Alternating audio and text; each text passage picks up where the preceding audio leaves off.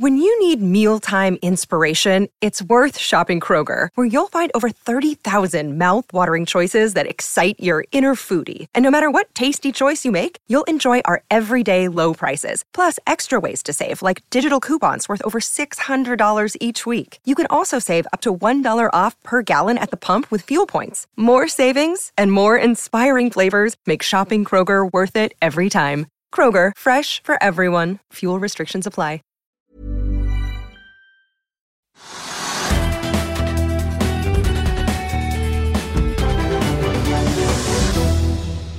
En eh, riktig god tirsdag og velkommen til Økonominyhetene. Det har blitt 10. Eh, mai, og regnet det plasker ned her utenfor kontorene våre på Smestad. Oslo Børs er nå like rød som en allergiker ned som våren omtrent. Etter et kraftig fall i USA i går kveld, så er hovedindeksen nå ned en prosent omtrent. Og Nordsjøoljen har nå dalt ned til rett under 105 dollar fatet. Det skal vi straks snakke mer om med Trygve Egnar. I dagens sending har vi også besøk av NHO-sjef Ole Erik Almlid, som endelig skal få arrangere sin årskonferanse. Og vi har også snakket med konsernsjefen i Link Mobility, som er ute med sine tall for første kvartal. Men la oss ta unna den aksjen som eh, kanskje veldig mange i hvert fall har bitt av merke i dag, nemlig Kongsberg Gruppen. En av dagens virkelig store tapere. Aksjen er nest mest omsatt på Oslo Børs og begynte ned snaue 10% etter at selskapet la frem sine resultater for første kvartal, men eh, situasjonen har bare blitt verre og aksjen i det store industri- og teknologikonsernet har snust på en nedgang på nesten 20% Det betyr at eh, mye av den oppgangen vi har sett tidligere, er barbert bort, og aksjen er nå opp rundt 17% samlet sett siden eh, nyttår. Selskapet melder om vekst i alle divisjoner og tror fortsatt på en samlet omsetningsvekst i 2022. Men driftsresultatet som kunne ha krøpet oppover til milliarden, eh, blir ikke høyere enn første kvartal i fjor. Det er fordi det settes av 113 millioner til bonus til de ansatte og et tap i Russland i Kongsberg Maritime på 69 millioner kroner knyttet til eh, tapsavsetninger på kundeforhold. Ordreinngangen endte på 7,5 milliarder. Det er nesten eh, det samme som eh, man fikk på den tiden i fjor. Ordreboken den kryper opp nesten en halv milliard til 49,9 milliarder kroner. Som jeg nevnte, så har jo Kongsberg Gruppen vært en av børsvinnerne i år, bl.a. på spekulasjoner om økte forsvarsbudsjetter med invasjonen av Ukraina. Nå advarer likevel konsernsjef Geir Håøy om at verdikjedene selskapet opererer i er under press. Han sier at utfordringene med både logistikk og leveranser har medført at det er forsinkelser i leveranser av våpenstyringssystemer, og at kostnadene ved bl.a. propellproduksjon også er opp. For øvrig har konsernet ingen nye nyheter om den mulige børsnoteringen av Kongsberg Digital. Et annet selskap som slapp resultatene sine i dag, er oljeselskapet Norwegian Energy Company, som driver på dansk sokkel. Inntektene økte i eh, første kvartal med 70% og driftsresultatet er mangedoblet til 107 millioner kroner. Noreco jekker også opp produksjonsguidingen sin for 2022 fra 23 til 25.500 som var tidligere, til et nytt anslag på mellom 24.500 og 26.500 fat per dag. Aksjen er imidlertid ned 10 i dag. Selskapet melder at de har hyret inn Pareto Arctic for å se på en refinansiering nå som inntektene har skutt i været. Så får vi også ta med at Solstad Offshore stiger 15% etter at de kom med tall like etter stengetid i går. Og Bakkafrost stiger litt, rundt 3% på sine tall i dag. Etter en dobling av driftsresultatet, som vi jo har snakket om her før, så er jo det svært gode priser i laksebransjen om dagen. Før vi går videre i sendingen, husk at du også kan se sendingene våre ved å gå inn på fano-tv, og at vi også har andre podkaster enn bare Økonominyhetene, som Morgenkaffen, Gründerpodkasten Veien hit, Ukens vintips, Kunstpraten og bilpodkasten Mil etter mil. De finner du ved å søke Finansavisen, der du hører på podkast. Ja, Trygve, Før vi skal ta inn NHO-sjefen, så får vi snakke litt om eh, børsmarkedet i dag. Dette voldsomme fallet i Kongsberg Gruppen. Hvordan eh, leser du egentlig det? Ja, det syns jeg er litt vanskelig, faktisk. fordi at, uh, Nå er ikke det selskapet det jeg syns er mest spennende å følge. da. Men Det er et stort selskap. Det er ganske taust og solid og stedig i gangen til vanlig? Ja, det er et stort og kjedelig selskap. Og så er det også da slik at uh, hvis man driver med da, forsvarsmateriell eller våpensystemer i dag, så er det, er det, ikke unaturlig at da investorene i markedet tenker at dette kommer til å bli veldig bra, og at de selger mer enn vanlig, og at marginen er større. og at det, liksom, det er lurt å være en våpenindustri nå, nå som vi har da en krig midt, midt i Europa. Så aksjen har jo gått. men altså så, så, hvis man ser på tallene, så er det jo ingenting som skulle tilsi at aksjen skulle falle 17 eller 18 i dag. Det er mye for et så stort selskap. Og eh, altså, EBITDA var omtrent som året før, bitte litt ned. Omsetningen var bitte litt ned i forhold til året før. Uh, og det er klart at Prospects i Kongsberg Våpen er bra. Så det er, ikke, det er, ikke, slik at de plutselig slutter å selge våpen eller andre, andre ting. Så at, ja, altså jeg, for å være helt ærlig, litt naiv, så jeg skjønner ikke helt kursfallet. Jeg tror det var fordi at man kanskje var hypet litt for mye på forhånd. litt for mye, liksom, det, Nå går det bra, nå må vi være i forsvarsmateriell. Og så får man en bitte liten sånn eh, ubehagelig følelse av at han er bitte litt dårligere, og så sender man kursen rett ned.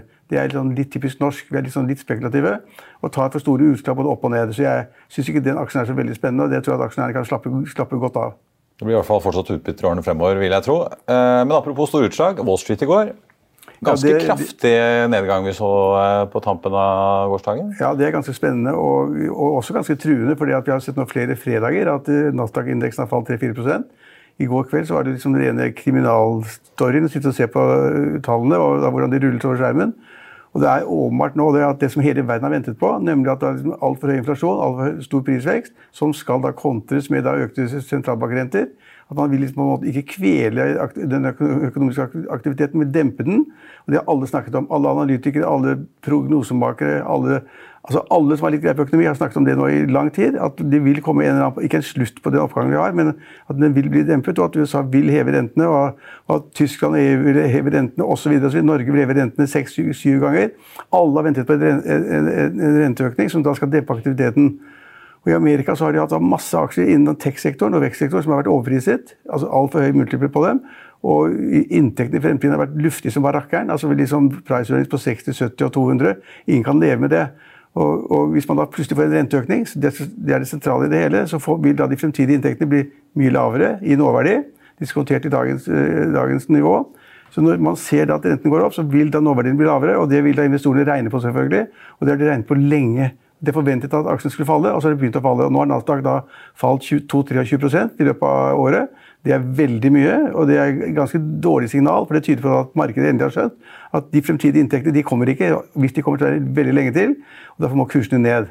Og Det har da vært mest i USA, mest på Nasdaq-børsen. Vi har også begynt å se tendenser også på Oslo Børs. Ja, vi ser jo, altså, ja, Nasdaq ned, begynner å nærme seg 30% SMP 500 16% siden nyttår. Ja. Eh, da er vi liksom på nivå med svenskene. Vi nordmenn har jo vært litt sånn skjermet, men nå er vi faktisk vidt i minus på Oslo Børs eh, ja. siden nyttår, vi òg. Ja, SMP 500 var også ned som du sier, ganske kraftig i går, og det også skremte noen. og det er klart at Faller hovedindeksen i USA 4-5% altså på en dag, 3-4% på en dag, så er det ganske mye, og det vil sette fart i folk. og man ser at enkelte aksjer som man liker å se på, sånn Tesla eller Netflix eller Apple eller Amazon osv., så, så ser man plutselig at disse selskapene faller 25% hver dag. Da skjønner man at et eller annet, et eller annet er i ferd med å skje. Enten at markedet selv blir nøktern på det, regner på det, blir flinkere. Og Så sender de de kursene ned. Og så er det store spørsmål som jeg ikke har svar på, og ikke du heller går ut fra, det er liksom etter de fallene vi har hatt, vil det bety at Nasdaq faller 20% til? 15 til? Betyr det at SMP 500 faller 10% til? Altså, vil, vil Dow Jones falle 5 i kveld, osv.? Men man er, nå på liksom, man, er, man er ikke på kanten av stupet, men man ser det at de renteøkningene som har kommet, som vil komme, de er såpass store og sterke at de slår ut da i regnearkene man har. Og da vil på en måte markedet, markedet bli svekket. Så det skal godt gjøres, kanskje bortsett fra Norge, da, som, de som flyter, flyter, på olje og gass, og mineraler og aluminium og hva det måtte være, og oppdrettsfisk. Vi har masse ting som liksom går som bare tjener masse penger, prisene er høye. Men altså, hvis vi skulle svikte der også, hvis, hvis, hvis og Oljeprisen har jo falt 4-5 eh, dollar i løpet av et par dager. Hvis det skulle svikte der, så vil Norge også få en kjempe, kjempesmell ned. Men det er ikke der nå, for vi er veldig heldige. Vi er lykkelandet. Vi har de tingene som folk vil ha for tiden, og så betaler masse for det. Gass. Ellers er vi jo på bunnen. Jeg så Frank Maae i DNB Markets eh, sa kjøp på Kahoot i dag på vel 36 kroner aksjen. Nå er den vel på drøye 20. Det kan jo være at vi er ved bunnen? eh. Ja, det kan, kan, godt være. Jeg har, ikke, jeg har ikke fasiten på det, men jeg tror ikke noe på det. Så Kahoot har jo falt 80% eller sånn nå. Uh, vi, altså, vi, er på bunnen. Altså, vi har ikke sett alle renteøkninger ennå. Vi har diskontert noe av de som vi tror vil komme, sånn som f.eks. i Norge. Vi har diskontert det som kanskje den amerikanske sentral, sentralbanken vil komme til. Kanskje. Men vi vet jo ikke. og Jeg tror det at man ikke har skjønt ennå hvor alvorlig det blir. De kommer til å dra til renteskruen ganske kraftig. Og det vil gjøre da de fremtidige inntektene mye mindre verdt i dagens kroner. Og det har ikke slått ut i markedene ennå. Og når noen snakker om at markedet skal falle 40-50% osv., har ikke jeg peiling på. Det jeg ser, er at markedene har falt 20-25 og, og det er ganske mye. Og det slår ut da i spareiver, og det slår ut i investoriver osv. Da må man søke helt andre ting. Før vi går videre, vi må snakke litt om oljeprisen. Eh, nå kom det jo meldinger i går om at Saudi har kuttet prisene til Asia, for de begynner å tydeligvis se litt at det butter litt på etterspørselssiden. Men vi er jo fortsatt på de høye nivåene, altså rundt 105 dollar fatet nå. Da. Vi var jo rundt 100 rett før Russland invaderte Ukraina. Ja, altså, Hadde jeg svaret på det, så hadde jeg ikke sittet her. hadde du tredet olje? Ja. olje nei. nei men, men, det er kjempekomplisert. og det, det, som har vært fremherskende nå, det er at veldig mange sier at oljeprisen må opp. Fordi at Hvis man da struper oljen fra, fra Russland, så blir da tilbudssiden så mye mer lavere, og at folk skal skaffe seg olje, og da må prisen opp. Det er jo forståelig i og for seg. Og så skal Saudi-Arabia øke produksjonen med 400 000 fat per dag i henhold til den tidligere avtalen. Så det blir litt mer olje der. Eh, men vi ser tegn på det du er inne på, det er at Russland for å bli kvitt oljen sin, som er vanskelig å selge i Europa for det er mange som da, Selv om det ikke er, stopp mot russisk, olje ennå, så er det en følelse av at mange av de som ville trede den, ikke tør trede den av forsikringsgrunner. Tør ikke forsikre skipet eller noen ting. Og da kunne man jo tenke seg at liksom da, nå, nå må oljeprisen stige. Men det kan jo tenkes at det, Russland på en måte over tid, la oss si noen måneder frem i tid, da, og krigen består, så kan det jo tenkes at, at, Russland blir ganske desperat for å bli kvitt oljen. Og at de dumper oljen ikke bare på det asiatiske markedet, men at de dumper også i Europa for å bli kvitt den. I kamp med Saudi-Arabia og andre produsentland, også Norge. Så det kan godt tenkes at mot hva alle tror i dag, kanskje, så kan det godt tenkes at oljeprisen får en liten fart nedover, fordi det er for mye olje som da vil være på tilbudssiden. Det tyter ut litt sånn ut i, i bakgater og litt skjulte handelssteder? Ja. ja, nå er det Asia, så kan det også være andre land. Men man skal ikke bli overrasket over at det volumet Russland har, det er en av verdens største produsenter, at det skal de selge for enhver pris. Og da tar de kanskje en price, en price cut for å holde volumet i salget oppe, kan tenkes. Men akkurat nå så, så, ser det veldig godt ut da for 105 dollar fatet eller 104 dollar fatet. Det er veldig bra for Norge, det er veldig bra for oljeselskapene. Men hvis man skal se på små indikasjoner, som jeg gjør, så ser jeg at både Equinor i dag og, og Aker og Aker BP faller 3-4 og Det er åpenbart et signal på at en del investorer tenker at dette her, dette er ikke bare enveiskjøring. Det kan faktisk bli et større prisfall, og da gjelder det å selge nå. Og man selger, selger Equinor med, med, da, med da en rabatt, ja, ikke rabatt, da, men altså selger det med et fall, etter et fall på 4-5 dollar per fat. Det er, ja, det synes jeg er et ganske godt signal om at er, alt er ikke sikkert. Og så vet vi jo av historisk erfaring i hvert fall, at selv med sanksjoner så har den, i hvert fall oljen fra Venezuela en finurlig måte å finne ja, veien ut i markedet på likevel. Ja, da, men, men, men, det viktigste kanskje, det viktigste er kanskje det at eh, verden er litt engstelig for at den økonomiske aktiviteten, altså BNP-veksten, i alle land, enten det er i USA eller EU-land eller i Kina, at den blir svakere. At man da, disse landene kommer til å kjøpe mindre olje, rett og slett. At det blir mindre forbruk. Tilbudstiden er like stor. Da kan det bli skummelt, da kan prisen falle gjennom. Men de jeg snakker med i investormarkedet, som er, er, da innen energi, olje og gass og innen shipping, eh, rigg osv., de har tjent masse penger på dette, og de sier at dette kommer til å fortsette lang tid fremover. Tiden vil vise. Time will vise. The time will show. Time will show. Senere i sendingen skal vi høre fra toppsjefen i tekstselskapet Link Mobility, men før det skal vi få inn dagens gjest. og Mens han setter seg i stolen, så skal vi se nærmere på en aksje i tech, en i shipping og en i olje som alle har mer å gå på. Skal vi tro analytikerstanden? Bare se her. Analytikerne dobler over en lav sko og hever kursmålet i seismikkrakett TGS og halvlederselskapet Nordic Semiconductor. Øystein Vågen i eh, Fearnley Securities har hatt et avmålt forhold til TGS, men nå mer enn dobler han kursmålet til 170 kroner. Han eh, skroter også salgsanbefalingen og går opp til hold. Seismikk har gjort det meget sterkt den siste tiden som følge av eh, Ukraina-situasjonen og økt innsats i leting etter mer olje og gass. Aksjeguruene Åshild Tveitereid og Egil Dahl begynte å kjøpe TGS-aksjer helt nede på 90-tallet, før krigsutbruddet i Ukraina, og har fortsatt å laste opp i takt med kurseksplosjonen. Nå står aksjen hele 75 opp eh, siden januar. Oliver Pisani i Carnegie mer enn dobler i Nordic Semiconductor og går fra 87 til 174 kroner. Han anbefaler imidlertid fremdeles hold. Jon Fredriksens Golden Ocean har gitt enorm avkastning det siste året. Håvard Lie i Danske Bank ser ingen grunn til å trå på bremsene og hever kursmålet til 165 kroner og opprettholder kjøp. Det er en oppside på 30 I det nåværende miljøet med høy inflasjon tror vi at Golden Ocean tilbyr en god hedge, gitt stigende stålverdier, nybyggpriser og eiendelsverdier. Frode Mørkedal i Clarksons er enig med Lie og sier at det ikke er for sent å investere i shipping. Faktisk så tror vi at vi er inne i begynnelsen av en flerårig syklus som kan resultere i betydelig høyere aksjeverdier, er beskjeden fra Mørkedal. Da skal vi ønske dagens gjest eh, velkommen. Sist han var her i januar, så skulle det arrangeres årskonferanse, men det sørget omikron for at det ikke ble noe av. Men på torsdag 12. mai da skjer det vel. Ole Erik Almlid, eh, sjef i NHO, velkommen til oss. Takk for det. Vi satser på det? Nå må det skje. Vi gleder oss til det. Du, Medlemmene dine har jo eh, det er jo, dere spiller jo veldig på det programmet i år. Usikre tider. Ja. Vi fikk uh, inflasjonstall på morgenkvisten i dag fra SSB. En prisvekst på 5,4 uh, sammenlignet med i fjor. Så ligger den jo på kjerneinflasjonen ligger jo litt lavere på, på 2,6, men ja. høyere enn vi ventet. Ja. Det er mye press rundt omkring nå. Ja, det er veldig mye usikkerhet, og de tallene illustrerer jo det. Eh, og I tillegg så har jo vi veldig mye usikkerhet ut av koronaen og covid, og nå også med krigen. Så, så vi ser jo på at det går bra i norsk eh, næringsliv, eh, men usikkerheten er stor. og Når vi måler medlemstilfredsheten og hvordan medlemmene ser på det, så ser vi at medlemmene er mer usikre nå enn for et par måneder siden, og det er jo ikke rart. Fører det til liksom, kutt i investeringer? Altså, Vi snakker mye om resesjon og faren for at ting begynner å bremse opp. Er det tegn til at medlemmene begynner å trekke i bremsen? Noe tegn på det eh, ser vi. Vi ser når vi gjør medlemsundersøkelsen at det er litt mer reservasjon, men ikke mye. Men det vi ser, da, det er jo det at eh, behovet for kompetanse er kjempestort. Så de ønsker å ansette veldig mange. og, og eh, de fleste melder, melder jo at det går bra. Problemet blir at hvis du ikke får tak i det du skal ha. Fordi at det stopper opp i verden. ikke sant? Så det er jo et kjempeproblem nå.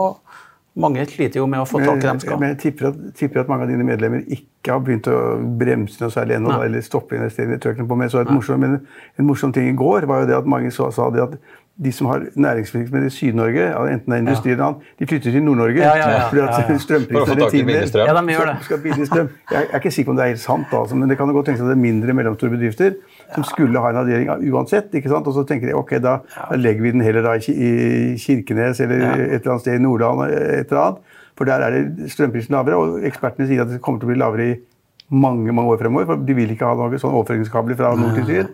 Kanskje noen tenker på det. Det er flere som nå går på strøm nordover, enn det er liksom stopper planene fordi de er liksom ja. Jeg tror jo, Trygve at eh, jeg så også det, ikke sant? Jeg har hørt noen som sier det, men hvor mange det får vi nå se på. Ja, det tror jeg. Men det er i hvert fall artig å sette seg ut Narvik. har vi ja, sett, da. ja det, men det var jo mange årsaker til at de gjorde det. da, ikke sant? Jeg håper det ikke bare var strømprisen. Og jeg tror nok at det er en kortsiktig, kortsiktig fortrinn de har der, for det skal jo skje store investeringer nå også i Norge. Men at det over noen år kommer til å være forskjell på Nord-Norge og Sør-Norge på pris på strøm, det er det jo opplagt. Det samme ser du i Sverige. Ja. Du ser at I Nord-Sverige så har det vært en Der er det reelt sett flytting av mye virksomhet fra Sør-Sverige da, til nord.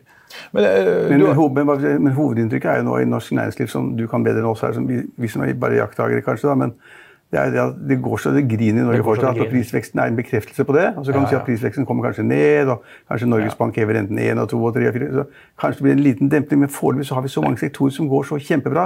Og når vi ser regnskapene som kommer nå, det er kjempeoverskudd over hele veien. Og, og, og, og markedet blir nervøst for at Kongsberg Gruppen liksom kommer med så mye lavere overskudd Ja, ja, ja. på EBITDA-siden. Det er jo helt å le seg i hjel. Det går for, foreløpig går det nesten for godt i Norge. Ja, og, det, og det er så, og vi ser jo det, det går godt over alt. ja, for det er jo sjømat, olje, oljeservice vil være i vinden. altså Og de, de resultatene, ja, de kvartalsresultatene som Trygve viser til, er jo bare helt fantastisk Mm. all over the place. Og, og vi ser jo at det nesten går, det går nesten for bra. ikke sant? Så når vi nå skal ha revidert nasjonalbudsjett nå på presentert samme dag som årskonferansen, de la det til samme dagen, så er vår melding at nå må vi, vi må passe på at ikke vi kjører mer inn i økonomien. Så, og Det er jo en utfordring for en regjering som har problemer med å nå ut godt nok til velgerne, men vi må ha en veldig fornuftig politikk. Ja, for det kommer jo signaler, Nå ser vi jo Statens vegvesen ut og snakker om hvilke prosjekter de kanskje skal skyve litt på. Eh, Hva Har dere av forventninger for revidert eh, på torsdag? da? Tror dere liksom Slagsvold Vedum faktisk strammer enda mer til enn tenkt?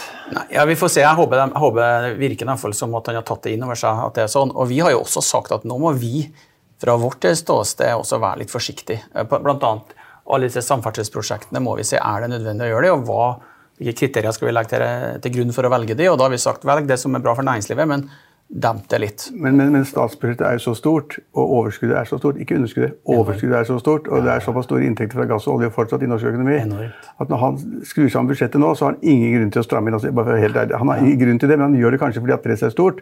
Og man skal, at han ikke senere skal bli beskyldt for å gjøre ting som da øker presset på prisene, og at rentene går opp. Han er veldig redd for at rentene skal gå opp. Men altså, Norsk økonomi går såpass bra at 5, 10 eller 20 milliarder fra eller til Ingen kan regne på effekten engang. Men helt, jeg tror at han kommer til å, for å vise viljen til å gjøre noe Når landbruket får 10 eller 12 milliarder kroner, så er det greit å ta 5 milliarder fra noen veier eller sånn, da, et eller annet veiprosjekt eller broprosjekt. og si at Vi har kuttet, vi har liksom, vi har liksom Vi har prioritert. Vi har prioritert ja, så de vil sikkert si det. Men, men jeg syns det er litt rart at man da liksom gir litt angst for liksom hvordan økonomien skal bli. Plutselig begynner å kutte alle mulige veiprosjekter og broer og hva det måtte være. Jeg, jeg synes det er litt sånn, sånn- det er sånn litt feigt. Ja. ja, jeg ser poenget ditt, og jeg er helt enig i at det 5 milliarder opp eller ned ikke har så betydning, stor, stor betydning.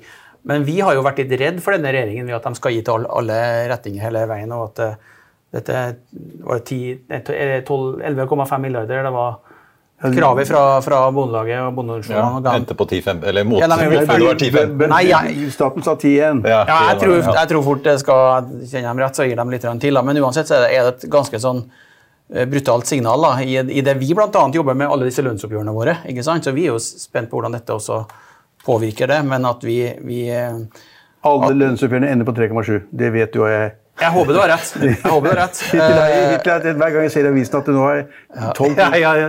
timer på overtid, sitter NHO eller sitter der og holder på 12 timer, 10 ti- ti- timer på overtid. 23 timer Så kommer du ut sist. 3,7. Det er frontfraksjonellen. Det blir samme tall for alle sammen. Hver gang.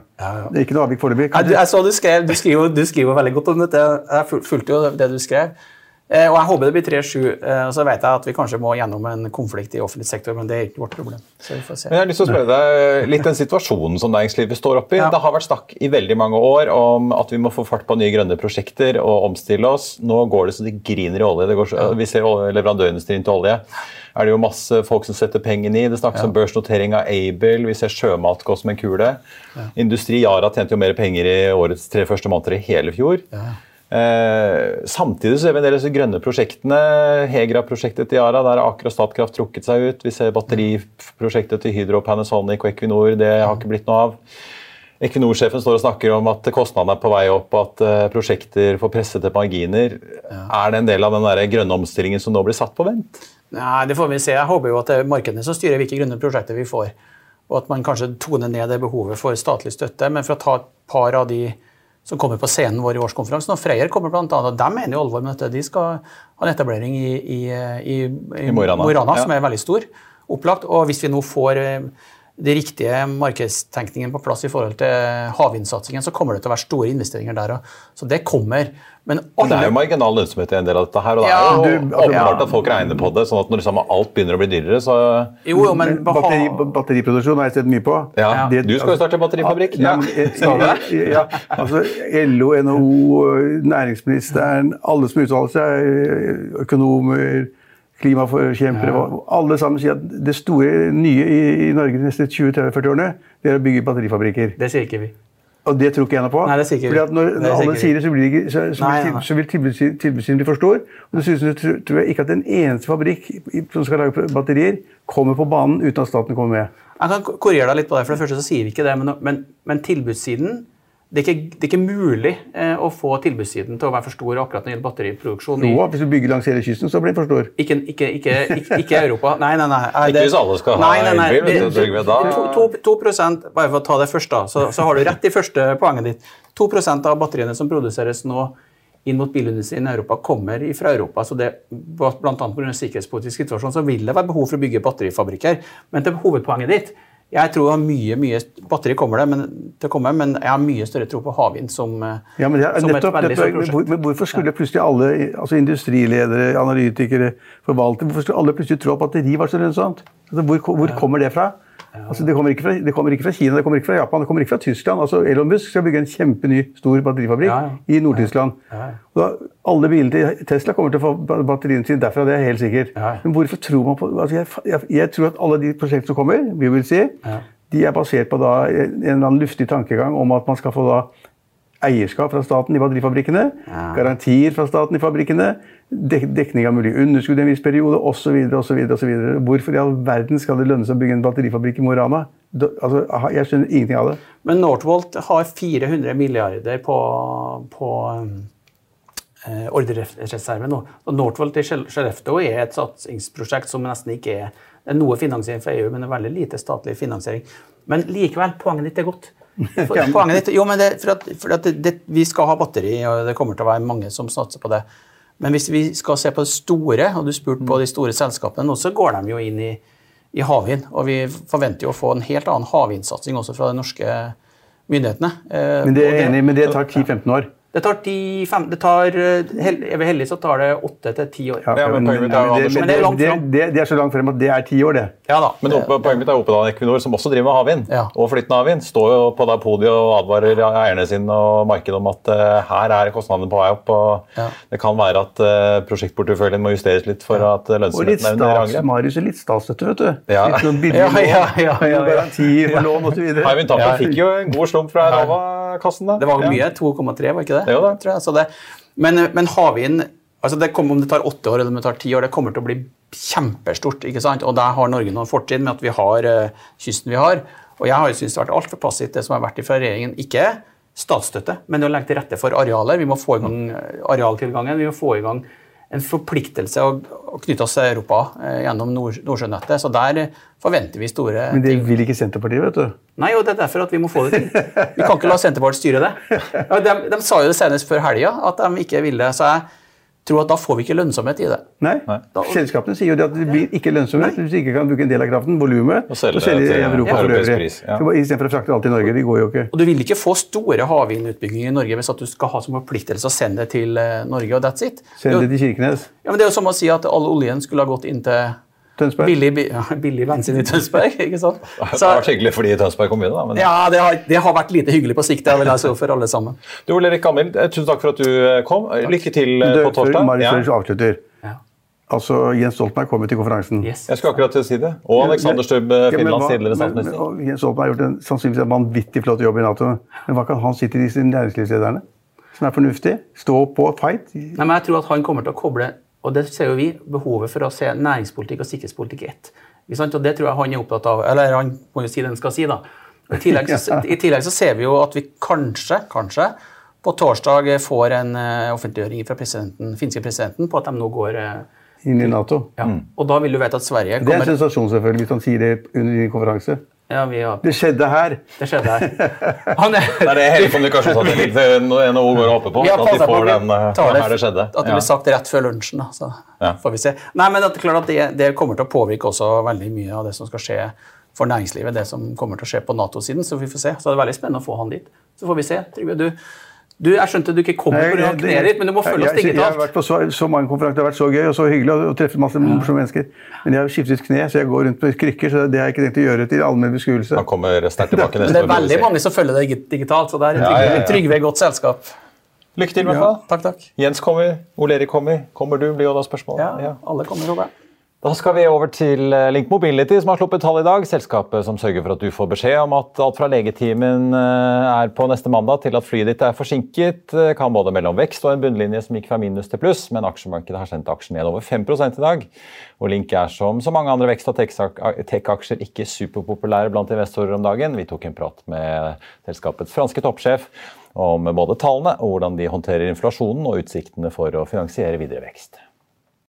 Guillaume Van Gaver, welcome, uh, CEO of Link uh, Mobility, joining us here today. Uh, you reported today a growth of 15% organic uh, on your revenue from, from 247 to 322 million kroner in the quarter compared to last year. Can you run us through some of uh, the highlights uh, from your markets and how you're delivering this growth? Yeah, great. Thank you, Marius. So we are very happy about um, being able to deliver this double-digit growth uh, on an organic basis. Uh, let's also remind ourselves that um, on a reported basis, the company grew its top line by 30%, um, but on an organic basis by 15%, which is good.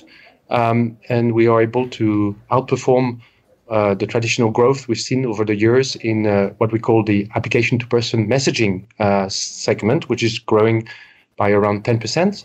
So I think this 15% growth is good um, for maybe uh, three reasons. Uh, the first one is last year was a, a bit of a lower uh, quarter due to uh, the pandemic.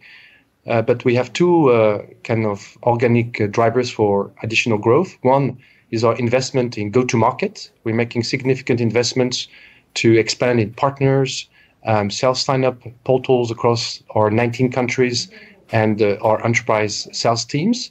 And the second reason for growth, which is strong, is um, the adoption of what we call communication platform as a service products, which are mainly uh, conversational use cases, so not only one-way message, but two-way messages, and also omni-channel use cases where we offer our customers a range of channels, not just one or two, so they can really pick up the right message with the right channels at the right time. Uh, you turned your bottom line uh, from from negative 50 million to just under 1 million plus uh, this uh, quarter. Uh, how did you manage to do that? So we have a scalable business, meaning that our costs are growing um, less than our top line, which means then we are able to translate to higher profit levels and EBITDA levels. Um, the net income is um, also quite technical to some degree because we have inside uh, the net income depreciations of amortization of, for instance, goodwill, because Link Mobility has traditionally acquired a lot of companies. And this is uh, more of an accounting of uh, depreciation uh, rather than having a, a, real cash impact. So, whilst a, quarter ago we were um, negative 50, we were still underlying profitable. The good news for Link Mobility is that it drives cash from its operation, um, also working capital, and last but not least, also our CapEx investments. And if you deduct all of those, uh, Link Mobility is generating cash, which enables us to be uh, also uh, reducing leverage. But, but, moving on from that, you your uh, operations generated 18 million in the quarter uh, in Norwegian kroner. You spent about 50 on investments in in capex, um, which means you still have about a little over 800 million um, in your accounts. But still, do you expect that uh, pace to continue throughout the year? That you'll be keep burning cash, or? Yes, of course. Um, we even uh, believe that this um, profitability will increase in the second half of uh, 2022 due to the scale and the importance of the profitability of our US uh, company, which uh, uh, has a, traditionally a high second half. So we see that profitability uh, will increase. And as said, we have a, scalable business, meaning that our top line grows more than our cost base, and therefore we can have a positive impact on uh, on profitability.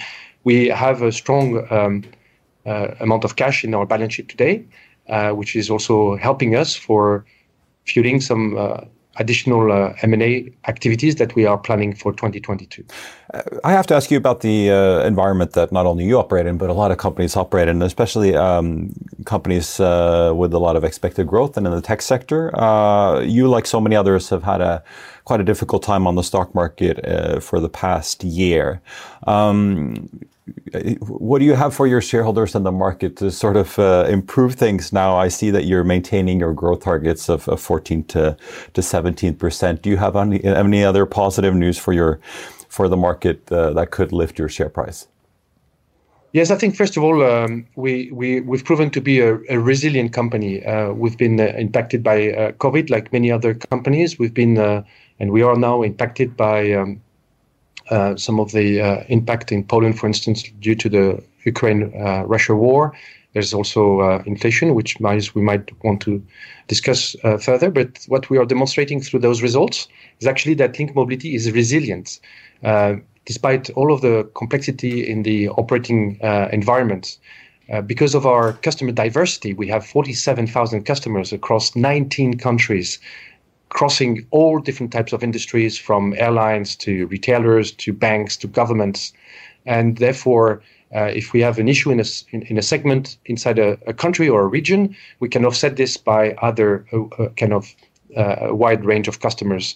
And I think our strategy has also proven to be successful, which is to have a deep local presence and focusing on enterprise solutions.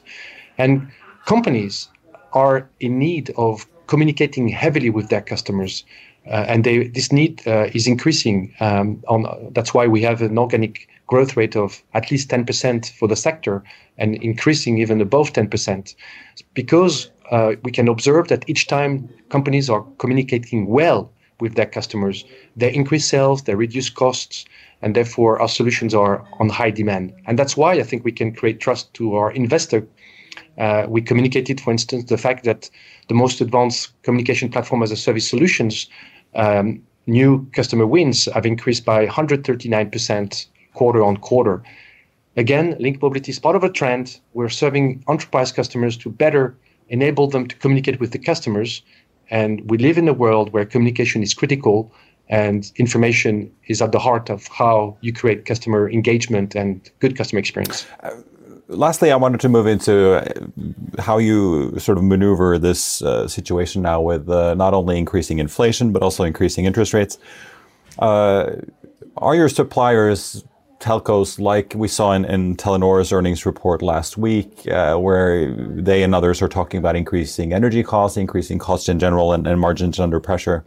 Are telcos now pushing those uh, cost pressures that they're experiencing onto you? So um, we have had, for instance, a price increase in in Denmark uh, from uh, operators in Denmark, and we have agreements with our own customers that this increase from um, our suppliers, mobile operators, is 100% pass on to our customers.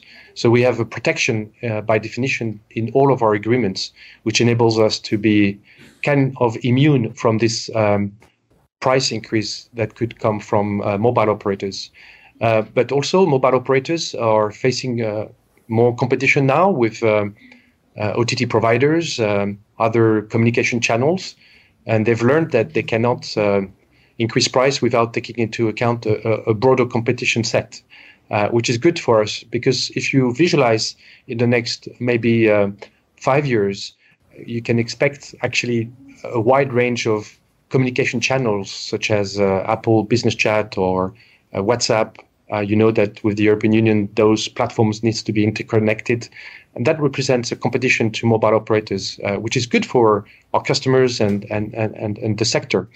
Uh, in general terms, nevertheless, Link Mobility is not a mobile operator, and we don't have to pay the energy bills of having, for instance, thousands of antennas around the country. We have servers, advanced servers, where we have to pay an energy, energy bill. But by the way, we are also very busy reducing energy and CO2 footprint, of course, for those uh, equipments.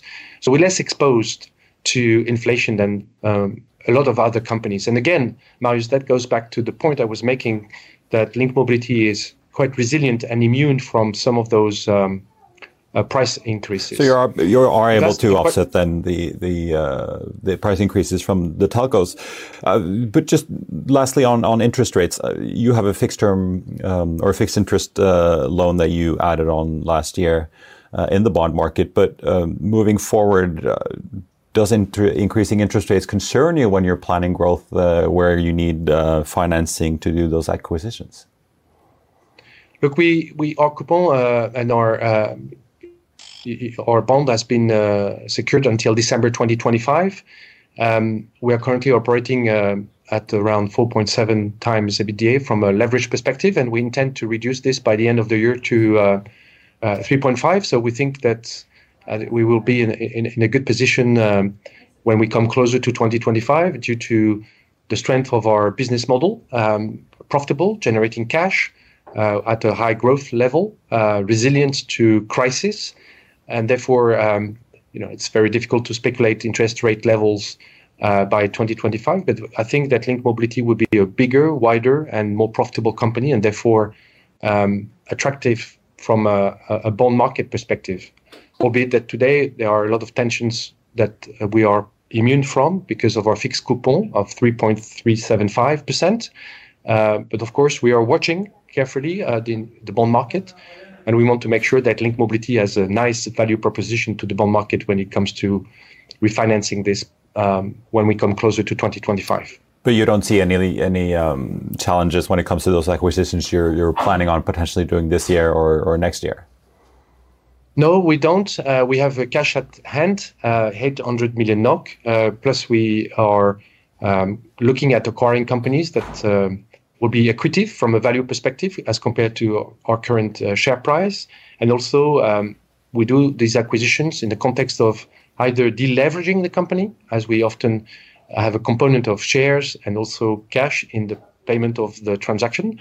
And uh, we, we are uh, also looking at um, uh, in the worst case scenario, making acquisition which will be neutral to our leverage. So uh, when you look at this accretive uh, strategy and also our leverage approach, we see this as a positive momentum because we will also increase our EBITDA and therefore uh, have a bigger and, uh, and, more ability, stronger ability to generate cash and profits. We've been operating in 19 countries now, and we've been acquiring uh, a lot of companies for geographic expansion, creating economies of scale. And I think this strategy has proven successful. And the uh, stock market will recognize this over time, and therefore we're, you know, looking at it from a long-term perspective in, in, a, in a positive uh, lens. Guillaume Van Gaver, CEO of Link Mobility, thank you for joining us. Avinor er ute med trafikktallene for april måned, og det var totalt 3,69 millioner passasjerer som fartet gjennom uh, selskapets flyplasser i måneden som ligger bak oss. Det er en oppgang på 349% mot april i fjor, men da var jo trafikken uh, til sammenligning av veldig lav grunnet korona. Ser vi derimot mot uh, 2019, så er man nå ned 13% i antall passasjerer. Ser man i antall flybevegelser, så ligger man nå 3% under 2019-nivået. Ser vi kun på utenlandstrafikken, så ligger vi nå 27% under da, det siste normalåret, som man gjerne kan kalle det, da, som var 2019. Tilbake til aksjemarkedet. 14 aksjer faller til all time low i dag. Vi har jo hatt en kraftig nedgang, og det har jo bidratt til at bl.a. Adevinta, Atlantic Sapphire, CO2 Kapsol, Link Mobility, Kraftbank, Meltwater, Nycode og Explorer Technologies har slitt i dag og notert nye bunnnoteringer. Men eh, så har jo også ting snudd nå da utover ettermiddagen. Hovedindeksen på Oslo Børs var jo ned 1,7 på det aller eh, meste litt tidligere i dag, og lå rundt eh, minus 1 omtrent da vi startet sendingen her for en tre kvarters tid siden. Men nå utover ettermiddagen så har det skutt fart, og nå ligger vi så vidt i pluss, faktisk. Og ser vi da på listen over de mest oppsatte aksjene, så er det faktisk nå Kongsberg Gruppen som er nest den uh, nummer to på listen over de store taperne i dag. Clean Seafoods ligger inne med en nedgang på 15,45. Kongsberg Gruppen like bak med en nedgang på 15,1% men det har jo vært enda litt verre tidligere i dag, og den snuste jo på en nedgang på nesten 20 da, etter at kvartalstallene fra teknologi- og forsvarskonsernet ble sluppet i morges. I motsatt ende så finner vi et annet selskap som har sluppet tall. Solstad Offshore kom jo med tallene etter stengetid i går og har hatt presentasjon i dag. Den aksjen er opp nesten 21% på Oslo Børs nå. På listen over de mest omsatte aksjene ellers så er det jo bl.a. Hydro som er opp 2,7% Equinor er på topp og ned 1% blank. Aker BP ned 1,1, og så ligger Yara da etter med en nedgang på 2,2 Og Oljeprisen den ligger fortsatt på 104 dollar og 70 cent da, i spotmarkedet for et fat eh, nordsjøolje. Rundt oss i Europa så er det grønt jevnt over, egentlig, med grønne futures på Wall Street eh, nå når, eh, like før de åpner da på de, de amerikanske børsene om et kvarters tid. I Finansavisen i morgen så skriver Trygve om at eh, SV altså vil ha inn staten eh, som aktør i batteriindustrien. Og det er eh, nettopp statlige lån og garantier vi har ventet på, jubler Trygve når han skriver om planene for sin egen batterifabrikk. Du kan også lese om gründerselskapet Hydrogen Memtech i Trondheim, som hadde tunge internasjonale aktører på døren da de skulle hente penger denne uken. Og så blir det børsintervju med Petter Tusvik i Alfred Berg, og du kan også lese om at NHOs sjeføkonom Øystein Dørum ser at flere bedrifter reduserer investeringene sine som følge av all usikkerheten som nå preger verden. Og Det var vår sending på denne tirsdag 10. mai. Vi er tilbake her i morgen klokken 14.30, og da har vi besøk av investor Morten Astrup. I mellomtiden får du som alltid siste nytt på fa.no. Mitt navn er Marius Lorentzen. Takk for at du så på. Ha en riktig fin dag videre.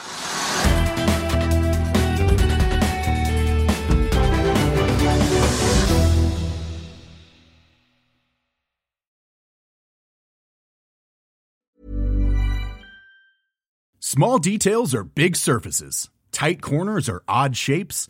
Flat, rounded, textured, or tall. Whatever your next project, there's a spray paint pattern that's just right. Because Rust new Custom Spray 5 in 1 gives you control with five different spray patterns. So you can tackle nooks, crannies, edges, and curves without worrying about drips, runs, uneven coverage, or anything else. Custom Spray 5 in 1 Only from Rustolium. Økonominyhetene er en podkast fra Finansavisen. Programledere er Marius Lorentzen, Stein Ove Haugen og Benedikte Storm Bamvik. Produsenter er Lars Brenden Skram og Bashar Johar. Og ansvarlig redaktør er Trygve Hegnar.